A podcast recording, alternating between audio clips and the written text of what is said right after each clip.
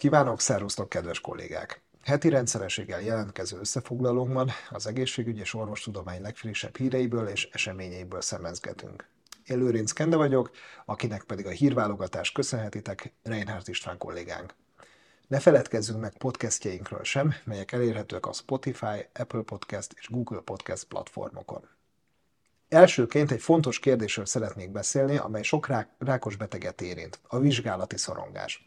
Ez a betegek által az orvosi képalkotó vizsgálatok előtt és után tapasztalt félelem és szorongás, amely jelentős stressz és aggodalom forrás jelent a rákkezelés során a betegeknek. A témával foglalkozó nemrégiben készült áttekintés szerzői úgy találták, hogy a vizsgálatokkal kapcsolatos szorongás igen elterjedt probléma, amely különböző tényezőkhöz köthető.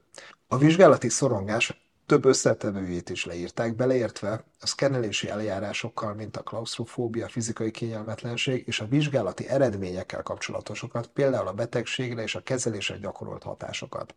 A páciensek a vizsgálati eljárás és az eredmények készhezvétele közötti várakozási idő alatt a vizsgálat lehetséges kimenetelével kapcsolatos negatív gondolatokat és félelmeket élnek át.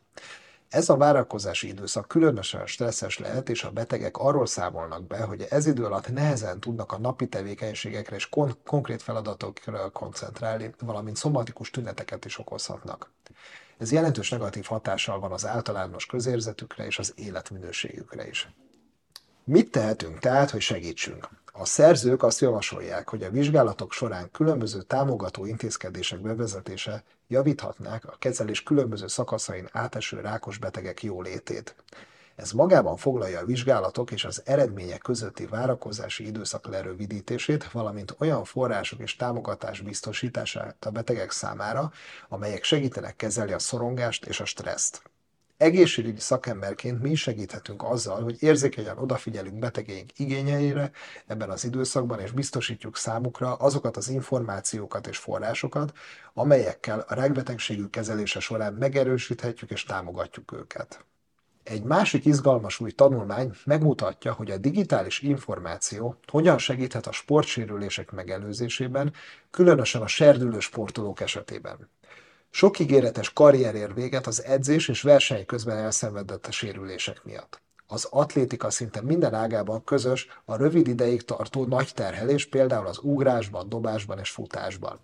Ez a túlzott igénybevétel olyan sérülésekhez vezethet, mint például lágyéki fájdalom és fájó vállag, de olyan hirtelen sérüléseket is okozhat, mint a bokaficam és a combizom szakadása. A tanulmány új megközelítés kínál a sérülések megelőzésére és annak biztosítására, hogy a fiatal sportolók a legjobb teljesítményt nyújtassák. A tanulmányt Svédországban végezték, ahol a kutatók egy digitális egészségügyi platformot fejlesztettek ki a 12-15 éves atlétikai sportolókra összpontosítva, amely a szülők és ifjúsági edzők számára tartalmaz információkat a serdülőkori növekedésről és arról, hogy ez hogyan befolyásolja az edzés. 21 atlétikai klubot véletlenszerűen két csoportra osztottak, egy intervenciós csoportra és egy kontrollcsoportra.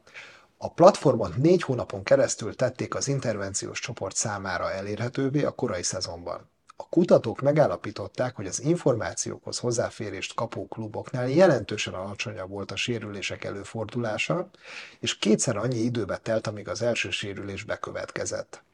Ez a tanulmány azért izgalmas, mert azt mutatja, hogy a digitális információ hogyan működhet közre a sérülések megelőzésében. Ha az edzők és a szülők megtanulják felismerni a problémákat, akkor időben csökkenthető az edzésterhelés. A kutatók megjegyezték, hogy a sérülések egyik fő oka a korábbi sérülés volt. Ez azt jelenti, hogy minél korábban sérül meg egy sportoló a pályafutása során, annál nagyobb a valószínűsége annak, hogy később gyakrabban fog megsérülni. A sérülések okai az ifjúsági sportokban azonban összetett kérdés, és az edzés mennyiségétől és terhelésétől kezdve a felszerelésen át az alvásig sok mindennel összefüggésben van. Ez a digitális platform áthidalhatja a tudásbeli szakadékokat, hozzáférhetőbbé és könnyebben elérhetővé téve az információkat a szülők és az edzők számára. Proaktív megközelítés kínál a sérülések megelőzésére, ami kulcsfontosságú a fiatal sportolók hosszú távú sikerének biztosításában. Egy BMC Medicine-ben publikált új tanulmány kimutatta, hogy a hagyományos mediterrán típusú étrend, amely olyan élelmiszerekben gazdag, mint a tengergyümölcsei, a gyümölcs diófélék, közel negyedére csökkentheti a demencia kockázatát. A Newcastle Egyetem kutatói több mint 60 ezer ember adatait elemezték az Egyesült Királyság biobankjából, és megállapították, hogy azoknál, akik szigorúan követték a mediterrán jellegű étrendet, akár 23%-kal alacsonyabb volt a demencia kialakulásának kockázata azokhoz képest, akik nem követték.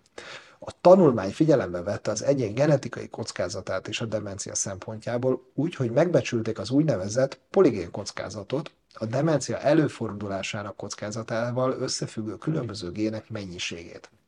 Még a magasabb genetikai kockázattal rendelkezők esetében is kiderült, hogy a mediterrán jellegű étrend követése csökkenti a demencia kialakulásának valószínűségét. Ez az eredmény azért jelentős, mert azt sugalja, hogy a jobb étrend potenciálisan ellensúlyozhatja a genetikai kockázatot. A mediterrán étrendet a gyümölcsök, zöldségek, teljes kiörlésű gabonafélék és egészséges zsírok magas bevitele jellemzi. Ezek a növényi alapú élelmiszerek gazdagok olyan tápanyagokban, amelyek nélkülözhetetlenek az agy egészségéhez. A tanulmány szerzői szerint a mediterrán jellegű étrend a demencia kockázatának csökkentésére irányuló jövőbeli stratégiák egyik fontos eleme lehet. Mit árulnak el a csernobili kutyák a szennyezett környezetben való túlélésről? Izgalmas a kérdés. Egészségügyi szakemberként lenyűgözőnek találom a csernobili kutyákkal kapcsolatos kutatásokat. Két kis kutyapopulációnak sikerült túlélnie egy rendkívül mérgező környezetben, és a genetikájuk tanulmányozása segíthet megérteni, hogyan maradhat fent az élet ilyen szennyezett körülmények között. Az 1986-os Csernobili atomerőmű katasztrófa miatt több mint 300 ezer közelben élő embert kellett kitelepíteni, és a megsérült reaktorkomplexum körül körülbelül 30 kilométeres kizárási zónát hoztak létre. A katasztrófa közvetlen oka egy gőzrobbanás volt, mely hatalmas mennyiségű ionizáló sugárzást juttatott a levegőbe és vízbe, talajba, de a sugárterhelés nem az egyetlen környezeti veszély, amelyet a katasztrófa eredményezett. Vegyszerek, mérgező fémek, peszticidek és szerves vegyületek mind hozzájárulnak az ökológiai és környezeti katasztrófához. Két kis elkülönölt kutyapopuláció mégis életben maradt, így lehetőséget adva a káros környezeti tényezők genetikai hatásának vizsgálatára. Az egyik az egykori Csernobili reaktorok helyén, a másik pedig 16,5 kilométerre Csernobil városában. A kutatók megállapították, hogy a két kutyapopuláció genetikailag különbözött egymástól. A genomjukban 391 olyan régiót találtak, amelyek a két helyen élő kutyák között eltérőek voltak. E markerek némelyike olyan génekre utal, amelyek a csernobili kutyákhoz hasonló káros környezeti expozíciót követő genetikai javításhoz kapcsolódnak. A kutatók azonban figyelmeztetnek, hogy további vizsgálatokra van szükség annak megállapításához, hogy a genetikai változások az összetett és több generációs környezeti terelésre adott válaszok-e. A kutya egy jelzőfaj, és ha megértjük, hogy hogyan élték túl a kutyák egy ilyen veszélyes környezetben, talán megérthetjük azt is, hogy hogyan csökkenthetjük a hasonló körülményeket átélő emberek egészségügyi kockázatait mivel a sugárterhelés által jelentett veszély még mindig nagyon is valós, különösen azok számára, akik a kizárási zónában dolgoznak, a folyamatos tisztítási munkálatokon a krónikus sugárterhelés genetikai és egészségügyi hatásainak megértése létfontosságú. Ez a kutatás fontos lépés afelé, hogy jobban megértsük, hogyan hathatnak a környezeti veszélyek az emberre, és hogy hogyan lehet a legjobban csökkenteni az egészségügyi kockázatokat.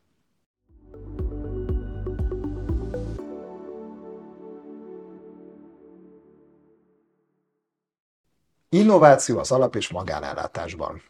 Telemedicina. Szoftverhez csatlakoztatható holter EKG, vérnyomás és vércukormérés, pulzoximéter és egyéb előkészülékek a rendelőben és a páciens lakásában. Általánosságban elmondható, hogy a hazai egészségügyi digitalizációját számos területen felgyorsította a COVID-járvány, rávilágított az addigi hiányosságokra, bizonyította, milyen nagy szükség lenne átjárható rendszerekre, és mekkora értéket jelentenek például a digitális betegadatok. Nincs olyan szakember, aki vitatja, hogy a magyar egészségügyben nagy szükség van az innovációra. De mi is az az innováció? Az innováció olyan tevékenységek és technológiák kombinációja, amelyek egy adott kimenetel elérése során kilépnek a meglévő keretek közül, ez pedig úgy érik el, hogy közben kiterjesztik a lehetőségek határait. Az egészségügyben ez jobb eredményességet, nagyobb kényelmet és persze jobb hozzáférhetőséget eredményez. Ahhoz, hogy valódi áttörés lehessen elérni az egészségügyben, túl kell nőni bizonyos korlátokon, és ki kell terjeszteni a határokat, és meg kell teremteni az értékalapú egészségügyet. Ki kell aknázni a telemedicina és e-orvoslás lehetőségeit. A telemedicina egy az orvos-beteg kapcsolatot kiegészítő szolgáltatás, mely személyes találkozás megvalósulása nélkül is gyors és hatékony segítséget jelenthet a betegellátásban. Emellett az alapellátás beteg számának folyamatos növekedése és az orvosok létszámának csökkenése közötti feszülő ellentmondás feloldására is jó lehetőséget kínál. A hazai praxisok többsége olyan támogató funkcionalitásában megfelelő modern szoftvert keres, mely képes rugalmasan implementálni a gyorsan változó központi direktívákat és kiszolgálni a felhasználói igényeket. A NetDoktor fejlesztői csapata töretlenül azon dolgozik, hogy az általuk létrehozott informatikai megoldásokkal a felhasználók hatékonyabban végezhessék a munkájukat a NetDoktor fejlesztésével egy olyan szoftvert hoztak létre, ami megfelel nem csak a jelenlegi, de a jövő felhasználó igényeinek is. A NetDoktor az ALK telemedicina projektjének keretében fejlesztett páciens applikáción keresztül képes a beteg által felvett mérési értékek, például vérnyomás, vércukortású, stb. átadására.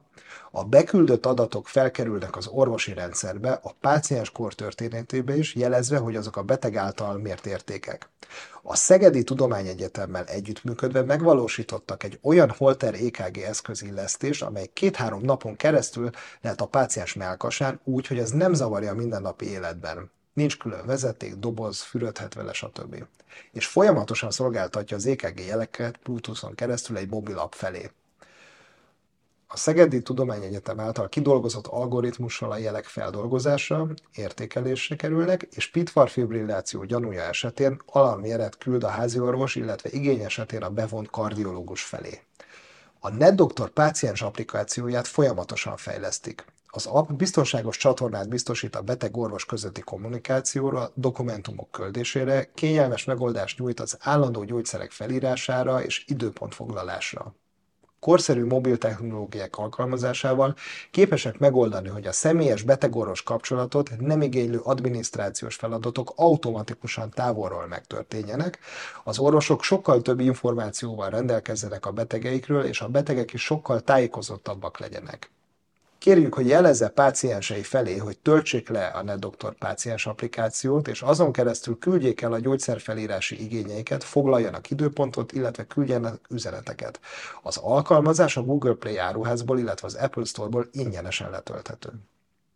Kedves kollégák, ennyi volt már a doktor hírek. A következő adásunkban találkozunk. Szervusztok!